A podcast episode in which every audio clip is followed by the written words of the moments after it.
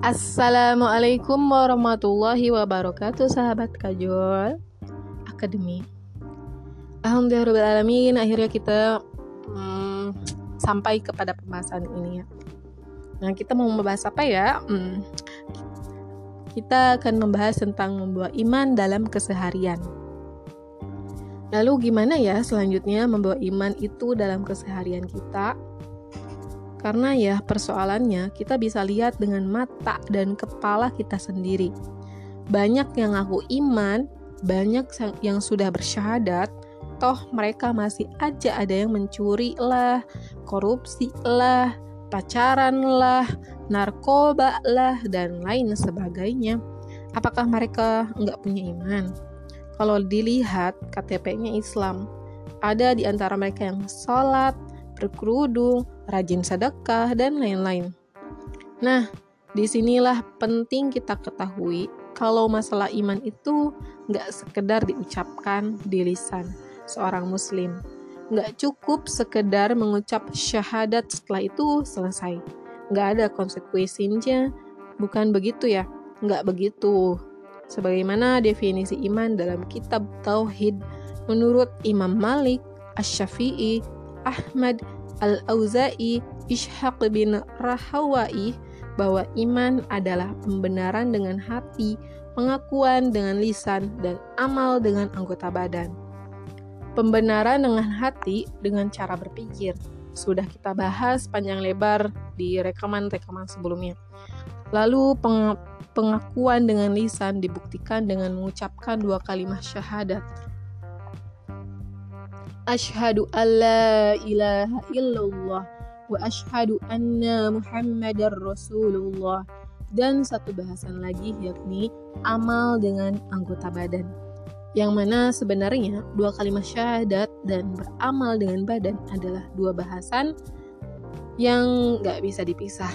Ya, seperti tadi sudah disinggung ya, banyak yang ngaku iman, percaya sama Allah, tapi mal besar dalam aktivitas sehari-harinya.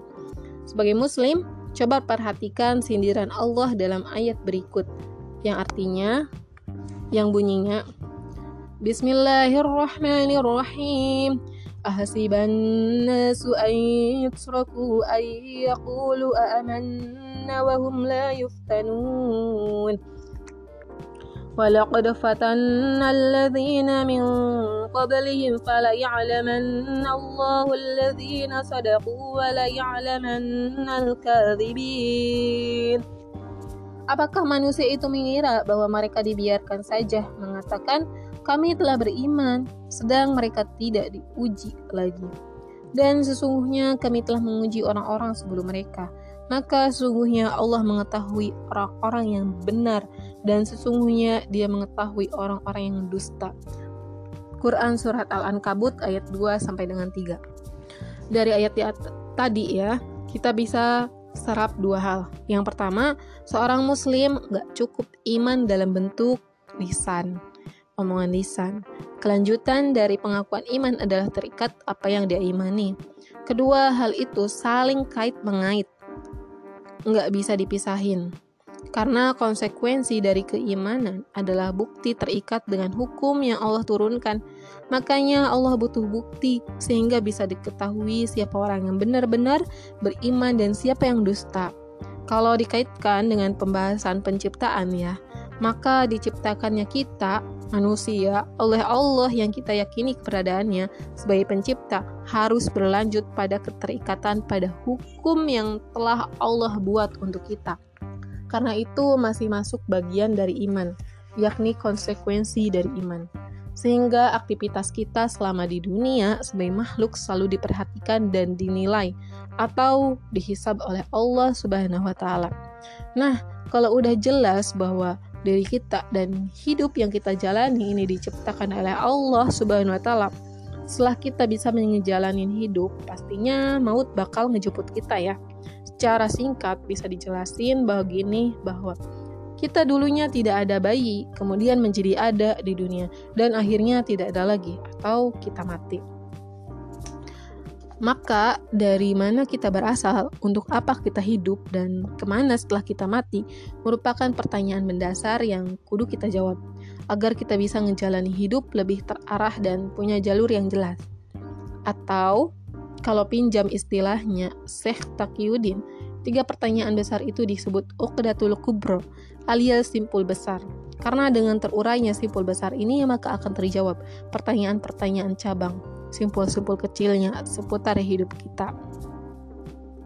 Ketika kita bisa mengaitkan pertanyaan dari mana kita berasal dengan hidup yang sekarang kita jalani, itu artinya kita sedang mencari kaitan penciptaan diri kita dengan hubungan perintah atau larangan dari Sang Pencipta, sekaligus mencari dan mengikatkan perbuatan kita dengan pertanggungjawaban nanti ketika kembali kepada Allah. Allah sebagai Al-Khaliq, pencipta sekaligus Al-Mudabbir atau pengatur. Analoginya gini ya, Ambil contoh kalau mak kamu bikin pisang goreng yang paling lezat sekampung kamu. Wah, pisang goreng bikin ngiler aja nih. Pasti orang bakalan merujuk ke makmu. Gimana cara bikin pisang goreng yang lezat tadi? Karena emang mak kamu koki yang handal yang bikin pisang goreng itu nah sama aja lah ketika kita diciptakan oleh Allah Subhanahu wa taala maka udah pasti rujukan segalanya tentang kelemahan dan kelebihan barang ciptaannya hanya Allah Subhanahu wa taala. Maka amat sangat benar jika Allah yang berhak bikin hukum atau perintah atau larangan. Buat manusia dan sebagai manusia kewajiban kita kewajiban kita adalah mentaati aturan tersebut sebagai manifestasi ibadah kepada Allah Subhanahu wa taala. Ibadah itu sendiri merupakan kesadaran hubungan dirinya dan Sang Pencipta, yakni Allah Subhanahu wa taala. Sedangkan ketika kita berpikir kaitan antara hidup yang kita jalani dengan pertanyaan ke mana setelah kita mati, maka itu hubungannya dengan hari pembangkitan atau hisab amal. Layaknya seorang pegawai bakalan dimintai progres dari tugas yang dia lakuin oleh atasannya. Nggak berbeda dengan itu, ketika kita hidup di dunia mengemban tugas untuk beribadah kepada Allah, maka sangat logis kalau Allah minta kita mempertanggungjawabkan tugas kita. Kalau ternyata kita ngerjain tugas dengan sukses, maka Allah udah nyediain ganjaran surga. Tapi buat yang gagal dalam bertugas, Allah nggak segan-segan, mungkin kita ke neraka ketika keterkaitan antara sebelum kita ada, sekarang tak hidup di dunia dan nantinya tidak ada lagi, bisa dipikirkan dengan benar, serta dijawab dengan jawaban yang benar pula. Maka itu artinya kita udah bisa berpikir tentang hidup kita. Mesti ngapain? Nggak mungkin kita ngejalanin hidup ini santai atau seenaknya itu dele dewe tanpa mempedulikan aturan Allah karena ternyata hidup kita telah diatur oleh Allah dan nantinya juga ditanya tentang hidup kita dipakai untuk apa.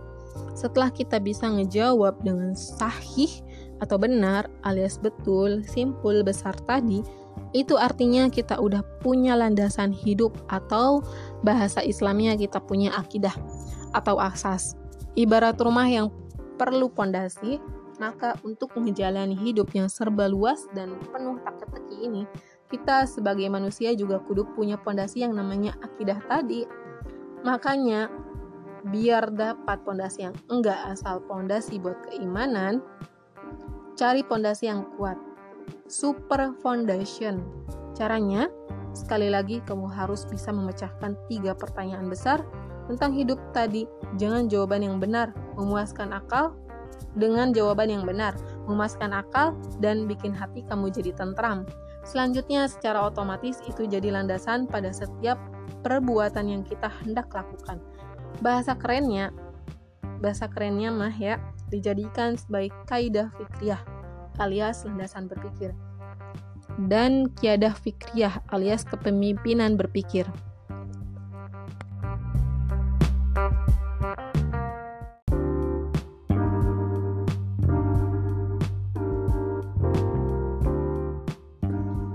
Nah, setelah kita membahas tentang uh, Uqdatul Kubro atau simpul besar, pertanyaan simpul besar, maka kita harus mengenali akidah selain itu, akidah-akidah yang lain.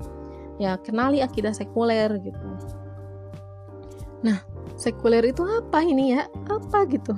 Sejenis makanan atau apa ya? Bukan ya. Itu semacam istilah Kalau menurut Kamus Besar Bahasa Indonesia, KBBI, sekuler artinya bersifat duniawi atau kebendaan, bukan bersifat keagamaan atau kerohanian. Menurut situs Wikipedia, sekulerisme secara istilah adalah sebuah ideologi yang menyatakan bahwa sebuah institusi atau sebuah institusi atau harus berdiri terpisah dari agama atau kepercayaan. Di banyak literatur ya, banyak dijelasin tentang asal-muasal ide sekulerisme. Dari akar sejarahnya membatasi tugas rohaniawan hanya pada gereja-gereja. Sementara untuk mengatur hidup manusia di luar gereja diserahkan sepenuhnya kepada para cendekiawan. Cendekiawan. Ide sekulerisme muncul dari kejeniusan manusia. Saking jeniusnya manusia bikin aturan buat dirinya sendiri. Lalu, apa ya kaitannya dengan pembahasan kita soal keimanan? Atau akidah? Ya, ide sekulerisme adalah ide dasar dari peradaban selain Islam atau Barat. Sekulerisme juga masuk kategori akidah. Pondasi dasar karena dengan pijakan sekulerisme itulah orang-orang Barat melakukan perbuatan. Selayaknya kita sebagai Muslim melakukan perbuatan didasarkan pada keimanan kita. Tapi jangan salah, karena namanya akidah maka bisa saja akidah itu diadopsi oleh kaum muslimin. Ya, karena kalau seorang muslim baik secara terang-terangan maupun sembunyi menyatakan diri tidak bersedia diatur kehidupannya dengan Islam, itu artinya dia terindikasi terjangkit virus sekulerisme, memisahkan antara urusan dunia dengan Islam. Maka sangat jelas kalau ide itu ditransfer ke otak kaum muslim maka muncullah manusia yang berbodi Islam tapi berotak sekuler. Jangan salah kalau ada yang diminta komentarnya tentang pornografi dalam seni, maka jawabannya, "Ah, kalau berbicara seni jangan bawa-bawa Islam deh." Nah, itu salah satu indikasinya muslim tapi terserang sekulerisme sehingga ini menunjukkan dengan jelas bin pasti kepada kita bahwa soal akidah ini bukan soal main-main, ini persoalan mendasar. Karena di atas pondasi akidah itulah seluruh perbuatan, perkataan, pernyataan seseorang dibangun. Pastikan aja kalau kamu atau orang-orang terdekat kamu adalah muslim dan berakidah Islam. Gimana caranya? Gampang kok. Dilihat aja dari caranya berpikir. Maksudnya, cara berpikir bukan berarti kalau berpikirnya memegangi jenggotnya yang tumbuh satu lembar, dua lembar, dua lembar, itu berarti memiliki pola pikir Islam. Bukan, bukan kayak gitu ya. Yang dimaksud cara berpikir islami itu kalau standar dia dalam memecahkan persoalan yang dia hadapi dikembalikan kepada asas Islam, bukan standar suka atau tidak suka. Bukan pula standar dipilih kebanyakan orang, atau sedikit didukung orang. Teman-teman, biar teman-teman bisa ngebedain dengan jelas antara Islam dengan sekulerisme, simak aja perbandingan dalam menjawab Uqdatul Kubro, seperti yang diungkapkan sebelumnya. Dari aspek pertanyaan, dari manusia berasal. Islam mengasih jawaban bahwa manusia diciptakan oleh Allah Subhanahu wa taala yang berarti mengakui hubungan perintah dan larangan aturan Allah Subhanahu wa taala. Sementara ya, kalau sekulerisme memang mengakui kalau Tuhan menciptakan manusia, tapi itu pun secara formalitas. Artinya Tuhan ibarat seorang pembuat jam. Ketika jam dibikin, maka jam akan berputar dengan sendirinya. Demikian pula manusia menurut akidah sekulerisme. Dia memang diciptakan oleh Tuhan, tapi manusia bebas ngatur hidupnya sendiri. Padahal kita tahu ya, kalau manusia bikin aturan sendiri buat dirinya, karena manusia berhawa nafsu, maka akhirnya muncul aturan hukum atau undang-undang yang dibikin berdasarkan hawa nafsunya, yang bikin undang-undang tadi. Dari aspek pertanyaan untuk apa manusia ada, Islam menjawab bahwa manusia setelah memahami dirinya diciptakan oleh Allah, setelah harus memenuhi perintah dan larangan Allah, maka dia kudu beribadah kepada Allah sebagai wujud ketundukan atau pensucian atau takdis kepada Allah Subhanahu wa taala sebagai sang khalik atau pencipta. Sekulerisme karena dari pertanyaan awal tadi bahwa manusia bikin aturan sendiri, maka ketika ada pertanyaan untuk apa dia hidup, jawabannya untuk mencari kesenangan hidup sepuas-puasnya. Tentu aja tanpa mempedulikan aturan Allah Subhanahu wa taala. Akibatnya, kita bisa lihat orang yang berakidah sekuler atau negara yang diatur dengan aturan sekuler mana bisa mensejahterakan rakyatnya. Malahan aset yang jadi milik rakyat dijual untuk memuaskan diri sendiri, sementara rakyat dibiarkan kelaparan. Hubungan rakyat dengan penguasa seperti hubungan atasan dan bawahan, atau antara juragan dengan babu. Kasian memang ya rakyat ini. Dari aspek pertanyaan, ke mana manusia setelah di dunia? Karena sedari awal Islam udah ngakui keberadaan Allah, Subhanahu wa taala. Maka ketika manusia mati kembalinya kepada Allah Subhanahu wa taala. Untuk mempertanggungjawabkan apa yang telah dilakukan di dunia sebagai hamba Allah Subhanahu wa taala. Akidah sekulerisme pada dasarnya emang mengakui adanya hari pembangkitan atau kiamat. Tapi lagi-lagi itu pun formalitas doang Sebab dari awal sekularisme hanya memahami bahwa Allah menciptakan manusia ibarat menciptakan jam. Kalau jamnya diminta kembali, ya no problem. Artinya akidah sekularisme tidak mengetahui atau memahami tentang perhitungan, amal atau hizab di hari kiamat. Sehingga perbuatan yang telah mereka lakukan di dunia, menurut mereka nggak ada hitungan amalnya. Pahala dan dosa. Nggak ada dalam kamusnya orang sekuler surga dan neraka hanya formalitas. Formalitas. Begitulah ya gambaran singkat tentang akidah sekulerisme dan perbedaannya secara mendasar dengan akidah Islam ketika menjawab tiga pertanyaan mendasar Uqdatul Kubro. Jadi makin jelas ya kalau akidah Islam atau keimanan dalam Islam harus dicapai melalui berpikir serta dibimbing oleh wahyu. Nas yang qot'i itulah nanti akan jadi iman yang kokoh bin tangguh. Kalau sudah mendapat dan membangun keimanan yang seperti ini, tinggal kita bawa dalam kehidupan sehari-hari kita. Termasuk kesiapan kita untuk berhadapan dengan akidah sekuler tadi di arena kehidupan kita. Bahkan kita tidak hanya harus siap berhadapan, tapi kita juga harus menyampaikan alias mendakwahkan Islam untuk bisa menghancurkan akidah yang bertentangan dengan Islam. Karena seperti itulah keadaan kehidupan akan selalu berlawanan antara yang hak, yang hak dan yang batil, antara Islam dan sekulerisme. Thank you